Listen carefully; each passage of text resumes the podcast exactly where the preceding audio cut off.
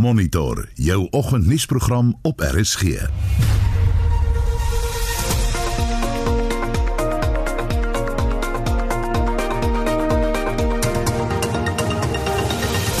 In die program vandag nog beskuldigdes verskyn in die hof in verband met Julie maand se onluste in KwaZulu-Natal en Gauteng. The governing party is in disarray. It does not matter which side felt how hurt or challenged, it is still illegal. And it must still be treated like an illegal and treasonous act. China beskuldig Washington weer eens daarvan dat hy die wêreld oor die oorsprong van COVID-19 mislei. The US has constantly put out bizarre argument as holding China accountable. China needs to pay for it. They do all this only to cover up their own failure response. En later ontleed ons die minister van verdediging se idee van 'n afsonderlike mag om onluste te hanteer. Goeiemôre, ek is Gustaf Greiling. En ek is Anita Visser, baie welkom by Monitor. Dis nou so op pad na 13 minute oor 6 jy's by Monitor op RSG. Dankie vir die saamluister. Ons kyk na 'n oorsig oor vanoggend se nuus en die voorblaaie van die koerante vandag. Uh die voorblad van die burger sê nuwe variant van virus dreig in SA met 'n kaart hier van die land en waar die meeste van hierdie variant voorkom. Dis in die Weskaap basies 240 gevalle. Suid-Afrika word deur die nuwe variant van die koronavirus in die gesig gestaar wat verder as enige van sy voorgangers gemuteer het. Maar kenners het benadruk dat mense nie paniekerig moet word nie. Die verskyning van C1.2, C.1.2 moet mense egter aanspoor om inentings te ontvang en om die gesondheidsmaatreëls na te kom. Die berig dan daar oor die variant. Nog 'n berig hier, Dolly, die skaap kry dalk 'n kunsbeen. Die skaap van die hoe dis die, straat, die skaap van die Melkbosstrandgebied in Kaapstad, uh wie se een voorpoot na 'n besering gedeeltelik aan die onderkant geamputeer is, gaan hopelik binnekort met 'n kunsbeen spog. Dolly is 'n jaar gelede van die Fallen Angels Pet Rescue organisasies daar gered by 'n plaas. Die storie van Dolly die skaap. Dan kyk ons na die voorblad verder. Daar is 'n foto. Azurina en Said het Smit maande voor dood gedreig. Dis die Louisenhof moord waaroor daar berig word. Die drie beskuldigdes in die moordsaak van die Louisenhof plaaseienaar Stefan Smit het gister vlugtig in die Landdroshof in Stellenbosch verskyn waar die saak teen hulle oorgeplaas is uh, na die Hooggeregshof in Kaapstad en dan die storie daaroor die, die moordverhoor dan. Die voorblad van beeld in die noorde van die land. Ses in hof na moord op Geldhoof Babita was 'n held, sê president. Ons mag die getuies nie in die steek laat.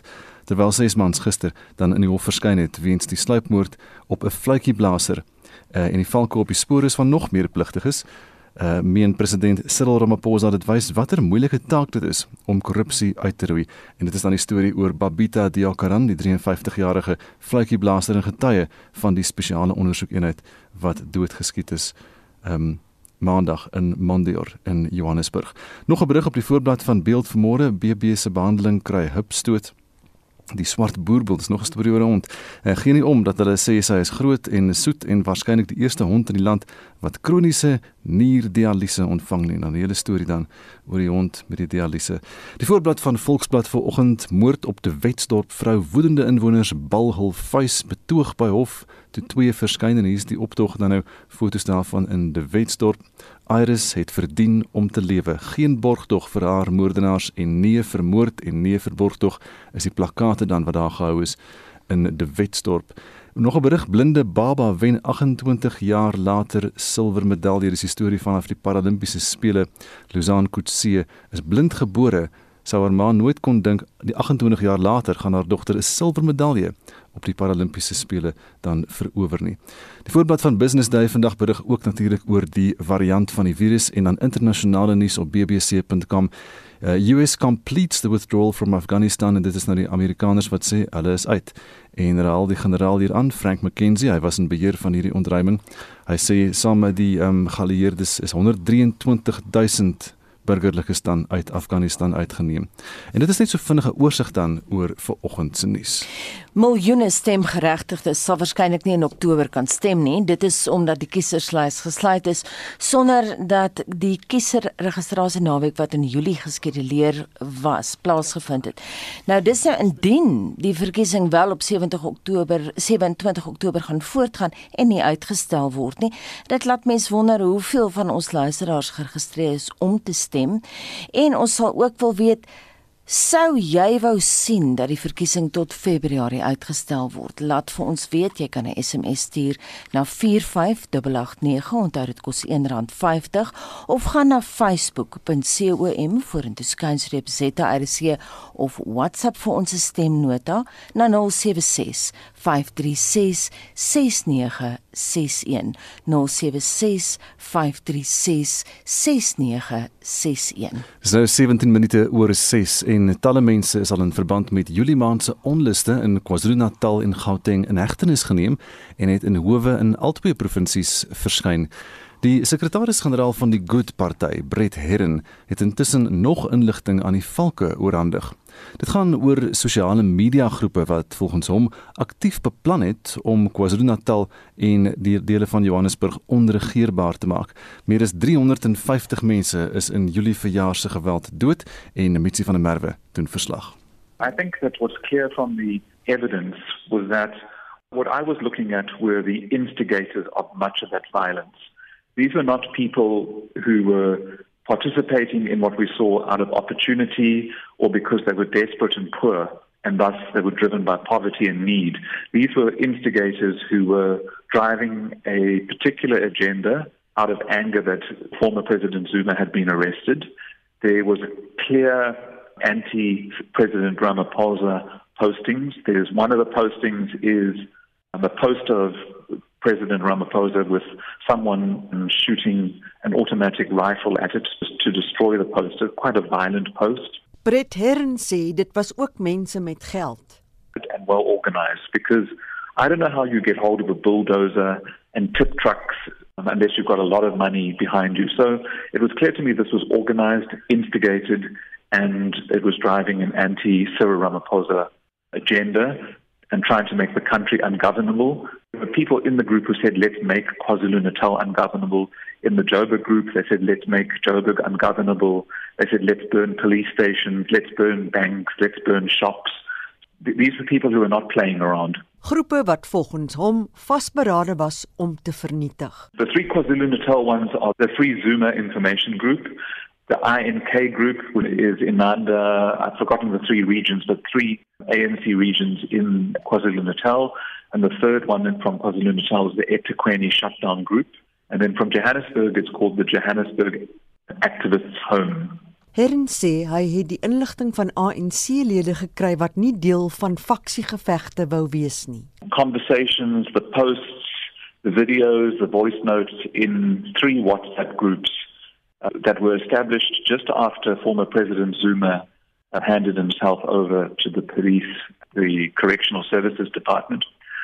These WhatsApp groups were formed early in the morning on, I think, the 8th of July. What they contained in them were posts of planning to burn malls, planning to close roads, planning to close the Durban harbour. So it was all the planning and the celebration of the outcome of some of that planning that was on these WhatsApp groups. Die eerste was aan die begin van Augustus oor die drie groepe in KwaZulu-Natal en verlede week oor die groep in Johannesburg. I handed it to the Hawks, the crimes against the state unit in the Western Cape because I'm based in the Western Cape. Together with a USB stick of all the evidence, all the videos, all the voice notes.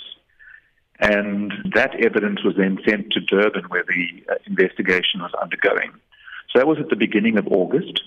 Then I received additional evidence about a Johannesburg WhatsApp group called Johannesburg Activists Home.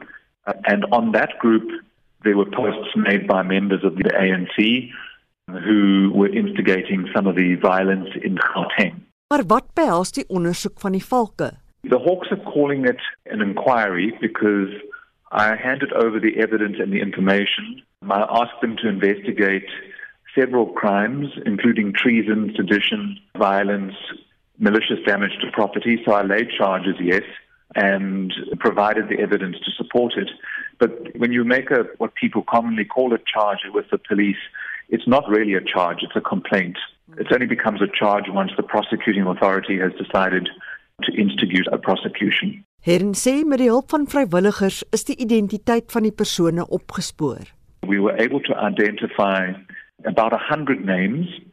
The first affidavit that I gave to the Hawks identified 26 who had actually posted in the group. But in these groups, we've managed to identify about 100 names in total. I think what's different about these groups to what people saw on social media is what's in these groups is clear planning. Messages like, let's meet at the Bridge City Mall at 3 a.m. tomorrow. There is a recipe for petrol bombs. You know, you need petrol, you need matches. Then instructions, you set the bomb off, you let it burn, you run away, you make sure no one sees you. En die boodskappe het duidelik bevele gegee. There was also video evidence of trucks that were hired to dump sand to disrupt traffic flow on the highways. There was video evidence of a bulldozer that was obviously used or hired to remove ATM machines out of walls of buildings. It's different to the social media posts in that there was planning and then there was celebration that the planning actually resulted in destruction. Die valke ondersoek die saak in Durban en Hern is vol vertroue dat die saak behoorlik hanteer gaan word. Within two or three days, I got a call from a, an advocate from the prosecuting authority to say they were very interested in the evidence and that they would be in touch with me. And then about um, a week or two ago, I got another call from the Hawks from Durban saying they were coming back to Cape Town to interview me again. And then I explained to them that I wanted in any event to hand over some more evidence. So I met with the Hawks three times, I think, over last weekend. So there seems to be action being taken and an investigation being done. But I am not aware that anyone in the WhatsApp groups that I've um, handed to the Hawks have any of them being prosecuted.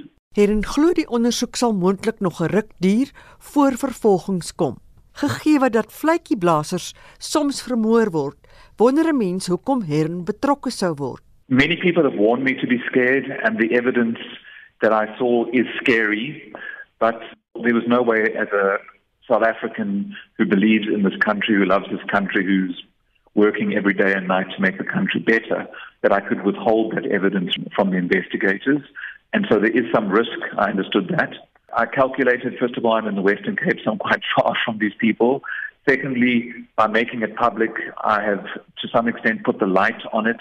And there's no point in taking me out now because I've handed over the evidence, I've handed over the original device. If you take me out, the Hawks can still investigate. Brett Hern is die sekretaris-generaal van die Good Party. Mitsi van der Merwe, SAK nuus. En om uit te vind of die plundertogte van verlede maand wel gesien moet word in die agtergrond van 'n moontlike poging van die Zuma-faksie om die ander ANC-faksies omver te werp, praat ons nou met 'n voormalige Wes-Kaapse politikus en die polisie-generaal eh, Lenet Max. Goeiemôre.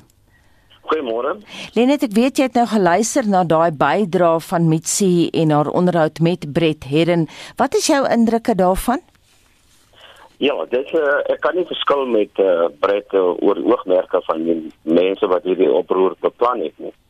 Ehm um, dit is baie gevaarlik. Dit grens aan uh, hoogverraad. Uh, jy weet uh, die mense wat daarbey betrokke was glo ek het uh, uh, het nodig om trou uh, getrou te wees aan die regering en aan die Republiek van Suid-Afrika en om as sulke dinge te uh, te beplan om staat om ver te uh, te werk uh, is baie baie ernstig. Uh dit is so dat uh dis ook my afleiding dat daar 'n bepaalde groep is wat wel uh uh president Ramaphosa 'n swak lig wil bring om te bewys dat hy nie waardig die president of die leier van die ANC te wil wees nie. Uh Ons het ook gehoor tydens die uh, op aansoek waar advokaat Dalium Pofu uh, wel uh, die hof versoek het om die uh, bevel van die grondwetlike hof te syde te stel met die van die negatiefneming van uh, die voormalige president uh, Jacob Zuma.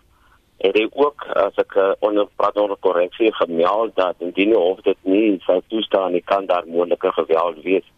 So daardie uh, gerugte van geweld is uh, was al in in die omgewing was uitgewees en uh, ook die saamtrek die 7de um, Julie of die 4de Julie waar um, die president die voormalige president moes oorhandig het uh, met daai samekoms en wettige samekoms by Nkandla daar was ook dreigemente so uh, dit is baie duidelik dat dit 'n uh, ondersteuning was en 'n groot diegene wat ook dan die die vuur voel die hitte voel uh wat ook betrokke is by die een of ander ehm um, bedrog of korrupsie. Ehm uh, jy het ook nog jy weet 'n uh, vinger in die paai hier uh wat want dit is hulle belang dat uh, daar onder is, en wanorde is sodat hulle nie vervolg word te word. En sê vir my wie se vingers dink jy is almal in daai paai? Ek wil nou nie spekuleer nie, ek dink ons kan uh, maar uh, gereedelik aanneem uh, diegene wat in die hoë reeds verskyn het en diegene wat dan nog ook nog weet dat uh, dit moontlik na hulle toe kan uitdry. Ehm um, uh, het dit uh, het is dalk betrokke maar spekuleer op hierdie oomblik. Hmm. Uh, maar ja, dit dis baie ernstig en en ek hoop dat die arrestasies wat reeds gemaak is sover ehm um, jy weet as een ding om mense te arresteer, dis 'n ander ding om iemand skuldig te bevind. Uh, ek hoop dat daar genoegsame getuienis is sodat daar 'n uh, vervolging kan plaasvind en en wel 'n skuldbevinding uitgebring kan word om 'n voorbeeld te stel aan die reeds wat ook sulke motiewe mag hê.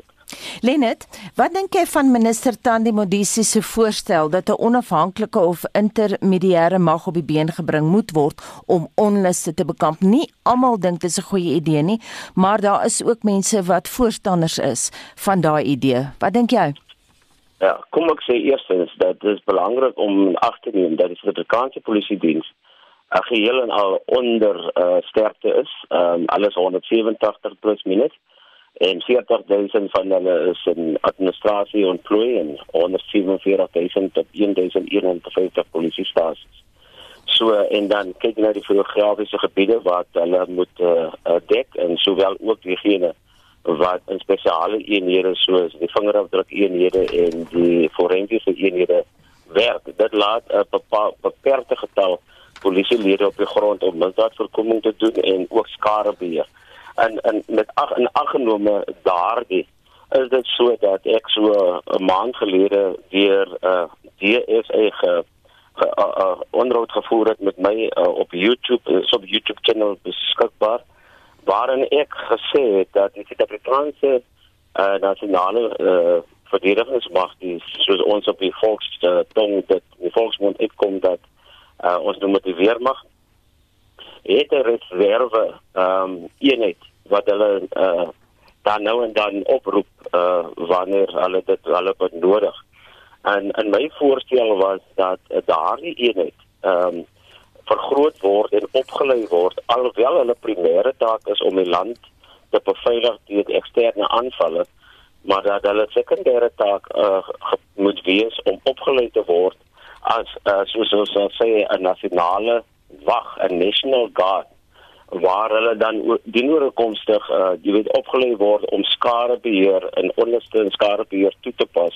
uh, ter aanvulling van die Suid-Afrikaanse Polisie Diens wat heeltemal te kort het. So ja, ek ondersteun die gedagte en ek vermoed ook dalk dat sy hierdie YouTube channel uh, gekyk en en uh, gehoor wat ek gesê het en dalk ook die gedagte gedeel uh, wat sy dan uh, voorgehou het. Baie dankie en so sê generaal Lenet Max. Dis nou al 7 en aanduidings is dat motoriste in September effens minder vir brandstof gaan opdok.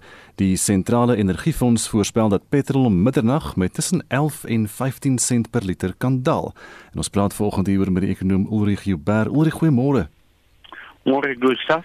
Hoe lyk die syfers daar op jou skerm? Wat kan ons 'n daling verwag? Ons kan 'n daling verwag Ehm um, want ja, as jy mens gaan kyk na die brandstofprys of die olieprys ehm um, en die rand dollar waarde dan uh oor die afgelope maand het ons gesien dat ja, die rand het eintlik verswak tot hier en, en die swakste betoning was so teen 20 Augustus nou dit weer versterk teen die dollar wat eintlik 'n bietjie verswak het omdat die Amerikaners ons gesê het hulle gaan nie nou dadelik rentekoerse verhoog nie en dit is die dollar oor die algemeen verswak so met 'n sterker rand betaal ons dan 'n bietjie minder in die randwaarde vir die dollar uh olieprys ehm uh, wat ook gedurende die maand op die 20ste van Augustus eintlik die laagste punt bereik het en nou die afgelope tyd weer gestyg het. Nou daai stygings in die in die oliepryse is as gevolg van die uh storm wat die Amerikaners beleef en wat meer gebeur het baie van die olie uh produksie in die Mexiek uh, Meksikaanse golf uh, tot einde gekom het. Ons sien ook dat in die afgelope maand het die oliepryse eintlik 'n bietjie verswak omdat mense vrees gehad het dat die virus nou weer sal toeneem en sal lei tot verdere inperking van die wêreldekonomie. Nou sê die ouens o nee maar goed, dit is nou nie so, eh, so ernstig nie. So daar is nou weer die hoop vir die olieprodusente dat die vraag na olie gaan toeneem. So ons sit op die oomblik eintlik met 'n olieprys van hier by 73 dollar hmm. as jy kyk na die Brentprys. As jy kyk na die rand dan sien ons ja, die rand het dan verstewig so na 14 66 om en by teenoor die dollar van die 1530 wat ons gehad het uh teen 20 Augustus. Uh die gevolg daarvan is ja, 'n daling in die oliepryse. Mense moet net altyd onthou dat om en by 10 of 12 rand van die uh, van die brandstofpryse is eintlik vas want dit is uh, belasting ja. en dis winsgrense en dis vervoerkoste en buttercal. So alreeds al 'n wisselwerking van al daardie faktore, maar die daling is veel minder as as die toename is van tevore. Ehm um, gaan hy gaan hy lank so hoog bly? Nou as mense gaan kyk uh, wat verwag is van die rand en nou uh, ek sê altyd jy weet um, om die rand te voorspel is eintlik uh, ek wil afsê nie moontlik nie mm. maar mense sien tog dat in die res van die jaar dat die dollar nie uh, uitermate sterk gaan word nie want ons sien nie 'n uh, aanduiding dat Amerikaanse rentekoers gaan styg vir 2023 nie. Ja, daar gaan 'n bietjie ehm um, aanpassings wees in hulle monetêre beleid. Maar ons verwag nie 'n uitermate sterk dollar nie. Daarteenoor as mens kyk na die oliepryse Ja, ons verwag dat die oliepryse sal maar hier rondom 70 dollar dalk na die einde van die jaar toe bly. Uh maar die opelande beoog om die produksie van olie te ver, uh, te verhoog. So dit kan eintlik hopelik vir ons help om die olieprys minstens te stabiliseer en miskien weer 'n bietjie af te bring so ek sê nou van die 73 dollar as 'n mens 'n bietjie geluk het onder die 70 dollar. So eintlik dink ek nie daar gaan groot skommelings wees nie, maar ons as motoriste om almal duim vas dat ons wel 'n bietjie verligting gaan kry by die brandstofprys uh betref veral as dit dalk toegelaat word om in Desember weer 'n bietjie gaan eh, te gaan vakansie hou. Ja, absoluut. Ulrich baie dankie. Dit was die ekonom Ulrich Juber. Jy luister na Monitor elke weekoggend tussen 6 en 8. 634 die hoofnuus die minister van verdediging stel voor dat 'n afsonderlike mag om onluste te beheer op die been gebring moet word daar moet wel met omsigtigheid omgegaan word in terme van so 'n gekombineerde opleidingskomponent tussen die polisie en die weermag. Die kulture verskil met mekaar en die vraag gaan altyd wees wie het bevel oor daardie spesifieke eenheid wanneer daar opgetree moet word. Bly ingeskakel want net hierna ondersoek ons hierdie idee. Die Nasionale Instituut vir Oordraagbare Siektes het bevestig dat die nuwe variant van COVID-19 C.1.2 wat op lae vlakke voorkom, wel 'n kommerwekkende variant kan word. Die Taliban in Afghanistan het van vreugdeskote in die lug afgevuur by die lughawe in die hoofstad nadat die laaste Amerikaanse vliegtuig die land verlaat het.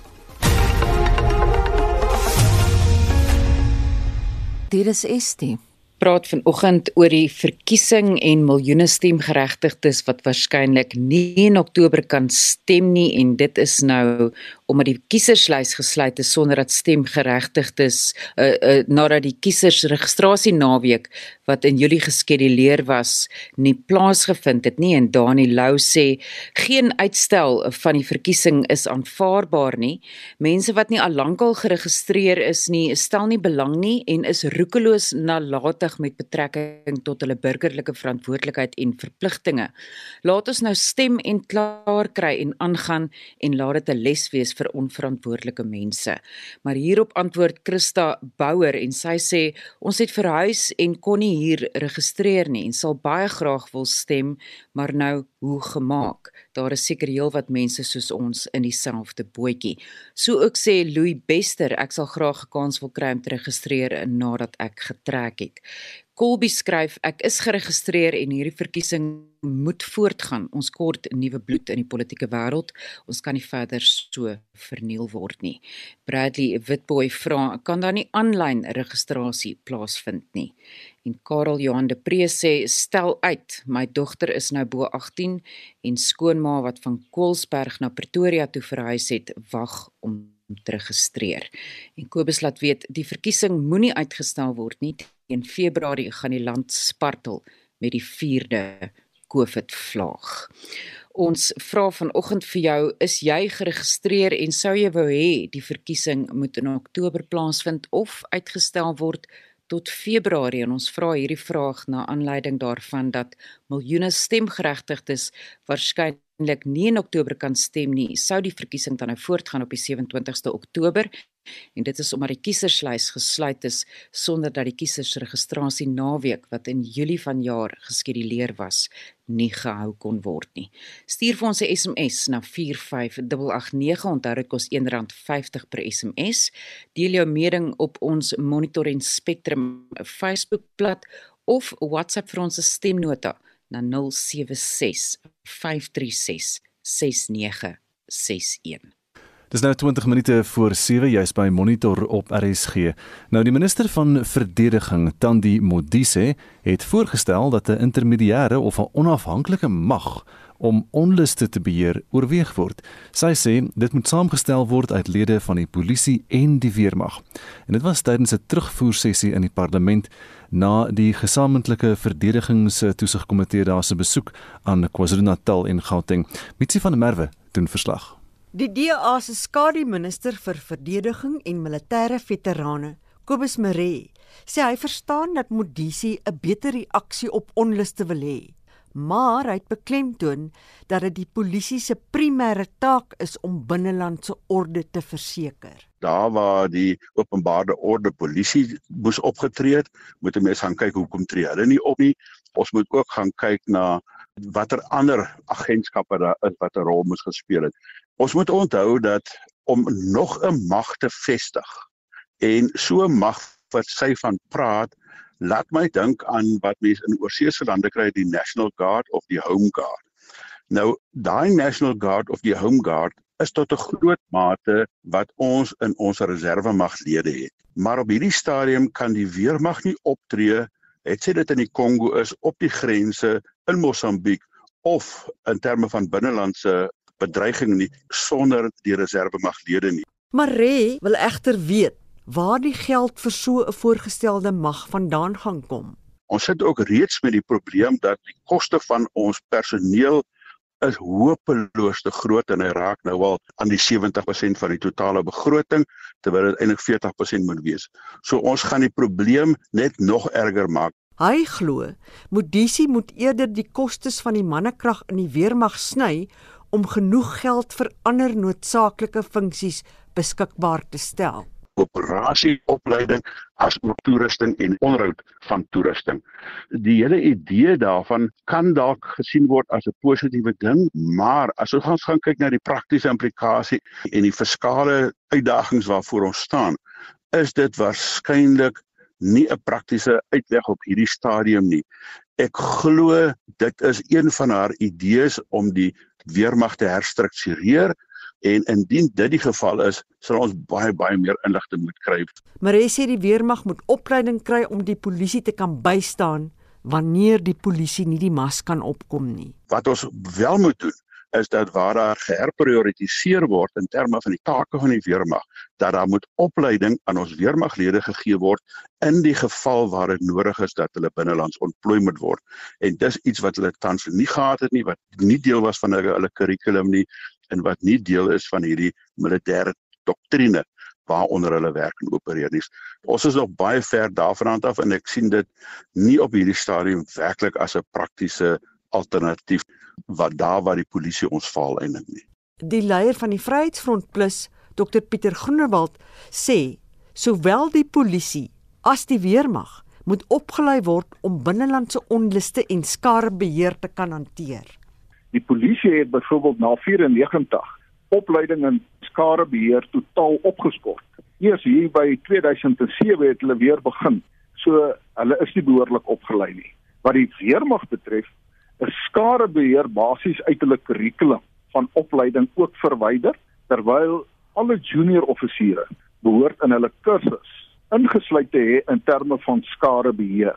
Groenewald voel dat net die talle dienste betogings al klaar skarebeheer opleiding vir albei magte noodsaaklik maak. Daar moet wel met omsigtigheid omgegaan word in terme van so 'n gekombineerde opleidingskomponent tussen die polisie en die weermag. Die kulture verskil met mekaar en die vraag gaan altyd wees wie het bevel oor daardie spesifieke eenheid wanneer daar opgetree moet word. Die polisie moet afsonderlik sorg dat hy behoorlike skadeopleiding doen en die weermag moet verseker dat hy behoorlike skadebeheer kan toepas en dan kan die twee afsonderlike komponente wel by sekere gebeurtenisse mekaar ondersteun. Maar Groenewald beklemtoon dat die weermag nooit die polisie se funksie kan oorneem nie. Hy sê die weermag se optrede in die inperkingsvlak verlede jaar was swak. Dit was duidelik dat die Suid-Afrikaanse nasionale weermag glad nie opgelei is om sulke noodsituasies te kan hanteer nie. Ons weet van die mense wat hulle gedood het, hulle buite hulle magte en bevoegdhede opgetree. As ons gaan kyk na KZN wat daar gebeur het, die oomblik toe die weermag betrokke geraak het, toe was daar meer stabiliteit. En dit is hoe dit eintlik veronderstel is om te wees dat die oomblik as die weermag ingeroep word, dan beteken dit eintlik maar die polisie kan nie meer die situasie hanteer nie. Die blote teenwoordigheid van die weermag was al klaar 'n uh, stabiliseringsfaktor gewees, maar hulle kort nog behoorlike opleiding. Groenewald sê daar moet ook vasgestel word hoe doeltreffend die verskillende eenhede in die polisie is. Wat wel belangrik is, ons moet onderskei tussen die magte en die bevoegdhede van die polisie en die van die Suid-Afrikaanse nasionale weermag. Die Suid-Afrikaanse nasionale weermag se magte kan slegs ingeroep word indien ons op 'n randjie is van 'n totale ineenstorting en die publiek moet dan beskerm word. Die weermag moet nie inmeng met polisie operasies nie, slegs in uitsonderlike gevalle. So as daar 'n spesiale mag opgelei moet word, dan moet die polisie aandag gee daaraan om dan buite sy normale spesmagte wat hy tans het, kan daar dan gekyk word na 'n addisionele spesiale mag vir onluste beheer. Dit was die leier van die Vryheidsfront Plus, Dr Pieter Groenewald. Mitsi van der Merwe, SAK nuus. En ons bly by die storie en praat nou verder daaroor met professor Abel Esterhuise van die fakulteit Kragskunde aan die Universiteit Stellenbosch. Goeiemôre Abel. Goeiemôre Anita. Abel, jy het nou geluister na die vorige onderhoud en uh, Mitsi se pakkie en so in die insetsels. Wat dink jy van die minister se voorstel? Ja, ek kan nie anders as om myself baie sterk uit te spreek teen uh, die hele idee nie en om 'n verskeidenheid van redes maar uh, dis interessant uh, net as 'n voetnoot dat, dat die opmerking van die minister van verdediging kom en nie van die minister van polisie nie. Dis die, die eerste punt dan wat ek wil maak. En die tweede punt uh, ons gaan met baie mooi kyk na die grondwet want die grondwet maak baie eksplisiet voorsiening net vir 'n polisie en 'n weermag. Maar uiteindelik sit ons hier met met twee teen teenstrydighede. Jy wil nie die die weermag binnelands ontplooi hê nie aan die een kant en aan die ander kant is daar voorbeelde in die wêreld waar sodanige paramilitêre magte wel suksesvol gebruik word en waar hulle wel uh, baie funksioneel inpas binne 'n samelewing maar ons moet gaan kyk na Afrika Mhm. Mm daar is ontleeders wat sê die situasie kan 'n potensiaal skep vir 'n burgeroorlog. Is dit nie bietjie wyd gevat nie? Wat dink jy daarvan? ja, wel, baie navorsing is uiteraard gedoen oor uh, die voorkoms van van uh, staatsgrepe in Afrika spesifiek en en uiteraard ook uh, burgeroorloë wat daar uit voortspruit. En en dit is inderdaad een van die kritieke faktore wat uitgelig word in die navorsing uh oor hoekom daar dikwels staatsgrepe in Afrika is dat jy 'n vorm van 'n parallelle mag het wat bestaan langs die die weermag en en uiteraard as gevolg daarvan kry jy 'n kompetisie vir lojaliteit. Uh jy kry persoonlike lojaliteite en en invloed ehm uh, uh, wat wat wat ter sprake kom uh, tussen hierdie twee twee weermagte en, en uiteindelik raak so mag 'n teenwig vir vir weermagte binnelands en daar's 'n 'n kompetisie vir vir begrotings daar's kompetisie vir vir uitrusting maar in die breë gesien uh, lei dit altyd tot die afbreek van professionalisme binne weermagte en en ons het dit verskeie plekke in Afrika al sien uit speel verskeie uh stukke van navorsing is gedoen hieroor uh ons moet baie versigtig hier wees. Abel jy gebruik nou die woord kompetisie. Skep mense dan hierdie kans vir empires wat gebou word en met mekaar kompeteer?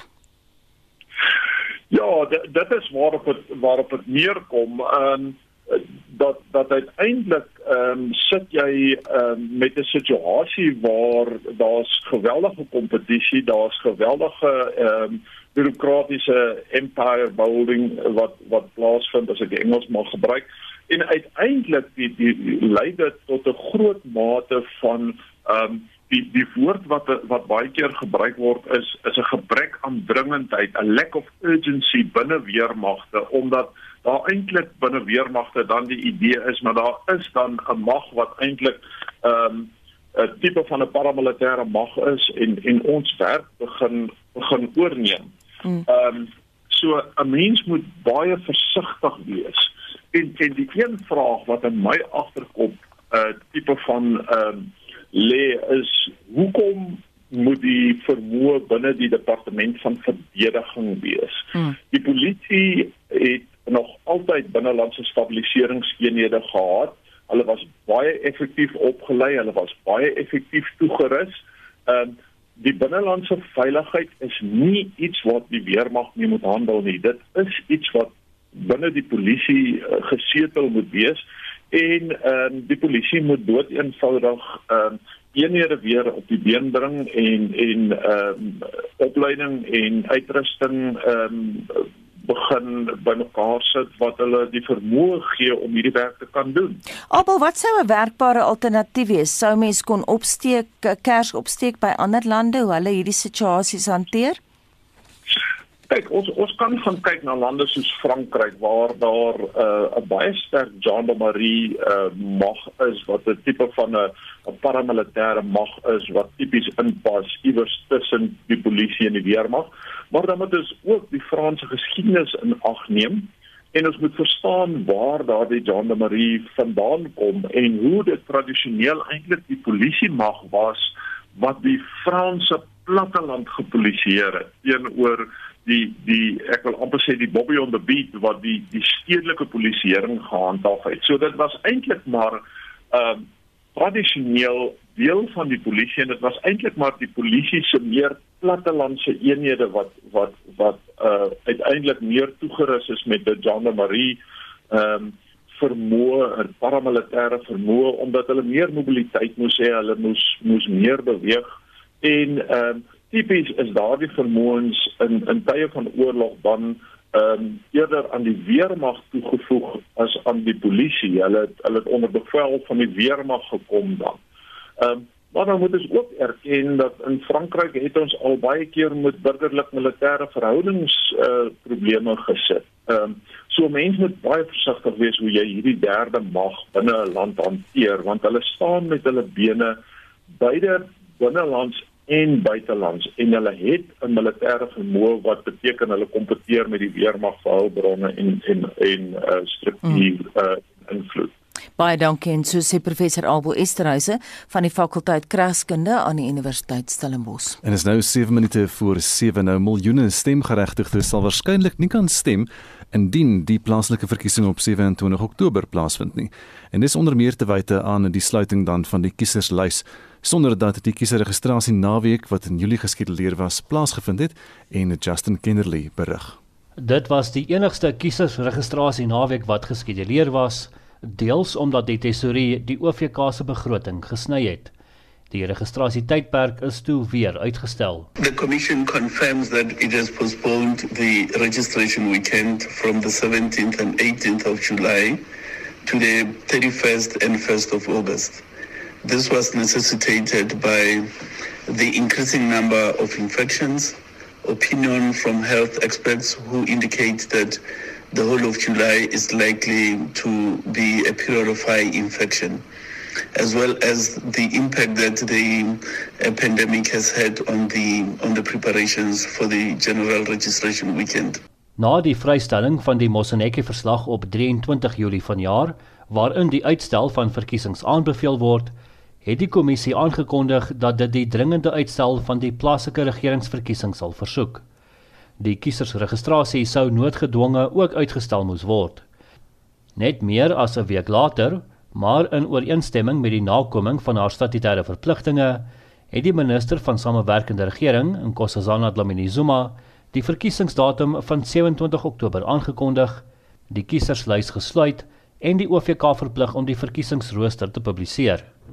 Die OFK se regsverteenwoordiger, advokaat Wim Trengrove, het voor die konstitusionele hof oor die ernstige gevolge van hierdie skuif geargumenteer. There are 40 million eligible voters in South Africa.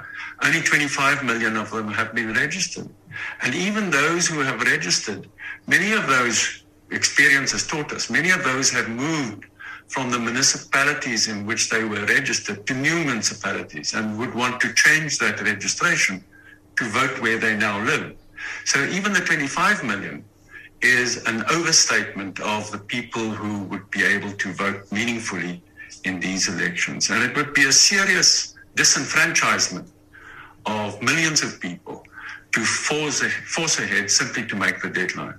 Trengrove sê dat die OVK nie die skuld kan kry vir die toedrag van sake nie. Daar is egter mense wat nie daarmee saamstem nie, soos die voorsitter van die verkiesingsmoniteringsnetwerk, Nkosi Kulele Nyembezi. What the IEC will be blamed for is a lack of aggressive voter registration process as we have seen that there is a huge number of people still unregistered. Some of them because of the coronavirus have moved from where they will used to live and they cannot vote there. As we know that in these elections, because they are local government elections, you must vote in the area where you live. Some people have moved and they have not been afforded an opportunity to register. That will fall squarely on the shoulders of the ISC. Kiesers kon egter nog deurlopend by die plaaslike OVK kantore registreer minstens tot die afkondiging van die verkiesing. Boonop kon geregistreerde kiesers sedert 2018 hul registrasiebesonderhede op die OVK se webwerf wysig. Die nuwe kiesersregistrasiestelsel wat op 14 Julie van stapel gestuur is, het kiesers in staat gestel om nou aanlyn te registreer. Ten spyte van hierdie opsies, lyk dit egter of baie mense onkant gevang is en nie geregistreer of hul besonderhede vernuwe het nie.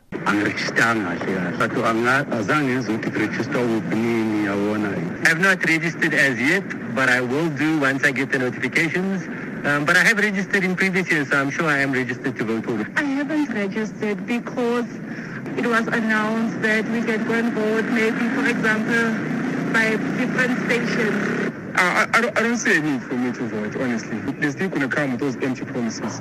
I didn't register it's because I was too busy. Uh, so I'm believing if they reopen, I can register uh, to vote. Die OFK hoop steeds dat die konstitusionele hof die verkiesing tot Februarie volgende jaar sal uitstel. Die kommissie het dit duidelik gemaak. As daar nie aan sy versoek voldoen nie, sal daar geen kans wees om die kieserslys te heropen nie. Hierdie verslag is saamgestel met die hulp van Boesie Shimombe en ek is Justin Kennerly vir SI Garnis. Intussen praat ons verkiesingsake vir oggend en ST, wat is die terugvoer van ons luisteraars? Rex Bester skryf regverdigheid noodsaak dat die verkiesing uitgestel word. Indien die kieserslys gesluit is en die verkiesing nie voortgaan nie, is hier 'n onreëlmatigheid en waarskynlik 'n grondwetlike kwessie indien miljoene stemgeregtigdes nie kan stem nie. En Raymond Jansen laat weet, die verkiesing moet voortgaan. Daai ongeregtigheid ongeregistreerdes is min of dan 'n naweek in September sal voldoende wees. En Regan Reineveld skryf vir ons: Mense wil nie stem nie, maar baat vind in wat wat in die land aangaan. Die instelling moet gemaak word dat as jy nie stem nie, kan jy nie voordeel trek uit dit wat in die land plaasvind nie. Stem om 'n verandering te bring. En Esmy laat weet, die verkiesing moet voortgaan in Oktober. Mense staan op mekaar in lang rye by betaalpunte vir maandelikse SASSA geld. As die verkiesing eers een keer uitgestel gaan word, gaan dit net weer en weer gebeur. Daar kan dalk 'n volgende COVID golf wees in Februarie en wat dan? Gaan dit dan weer uitgestel word? En Lizzie Webster skryf: As almal net stem wat reeds geregistreer was, sal dit net 18-jariges wees wat nie kan stem nie. Dit is miskien 'n goeie ding want van hulle is nie regtig verantwoordelik nie en kan dalk vir 'n verkeerde party stem. Dis nou net na 7 tyd vir die nuus.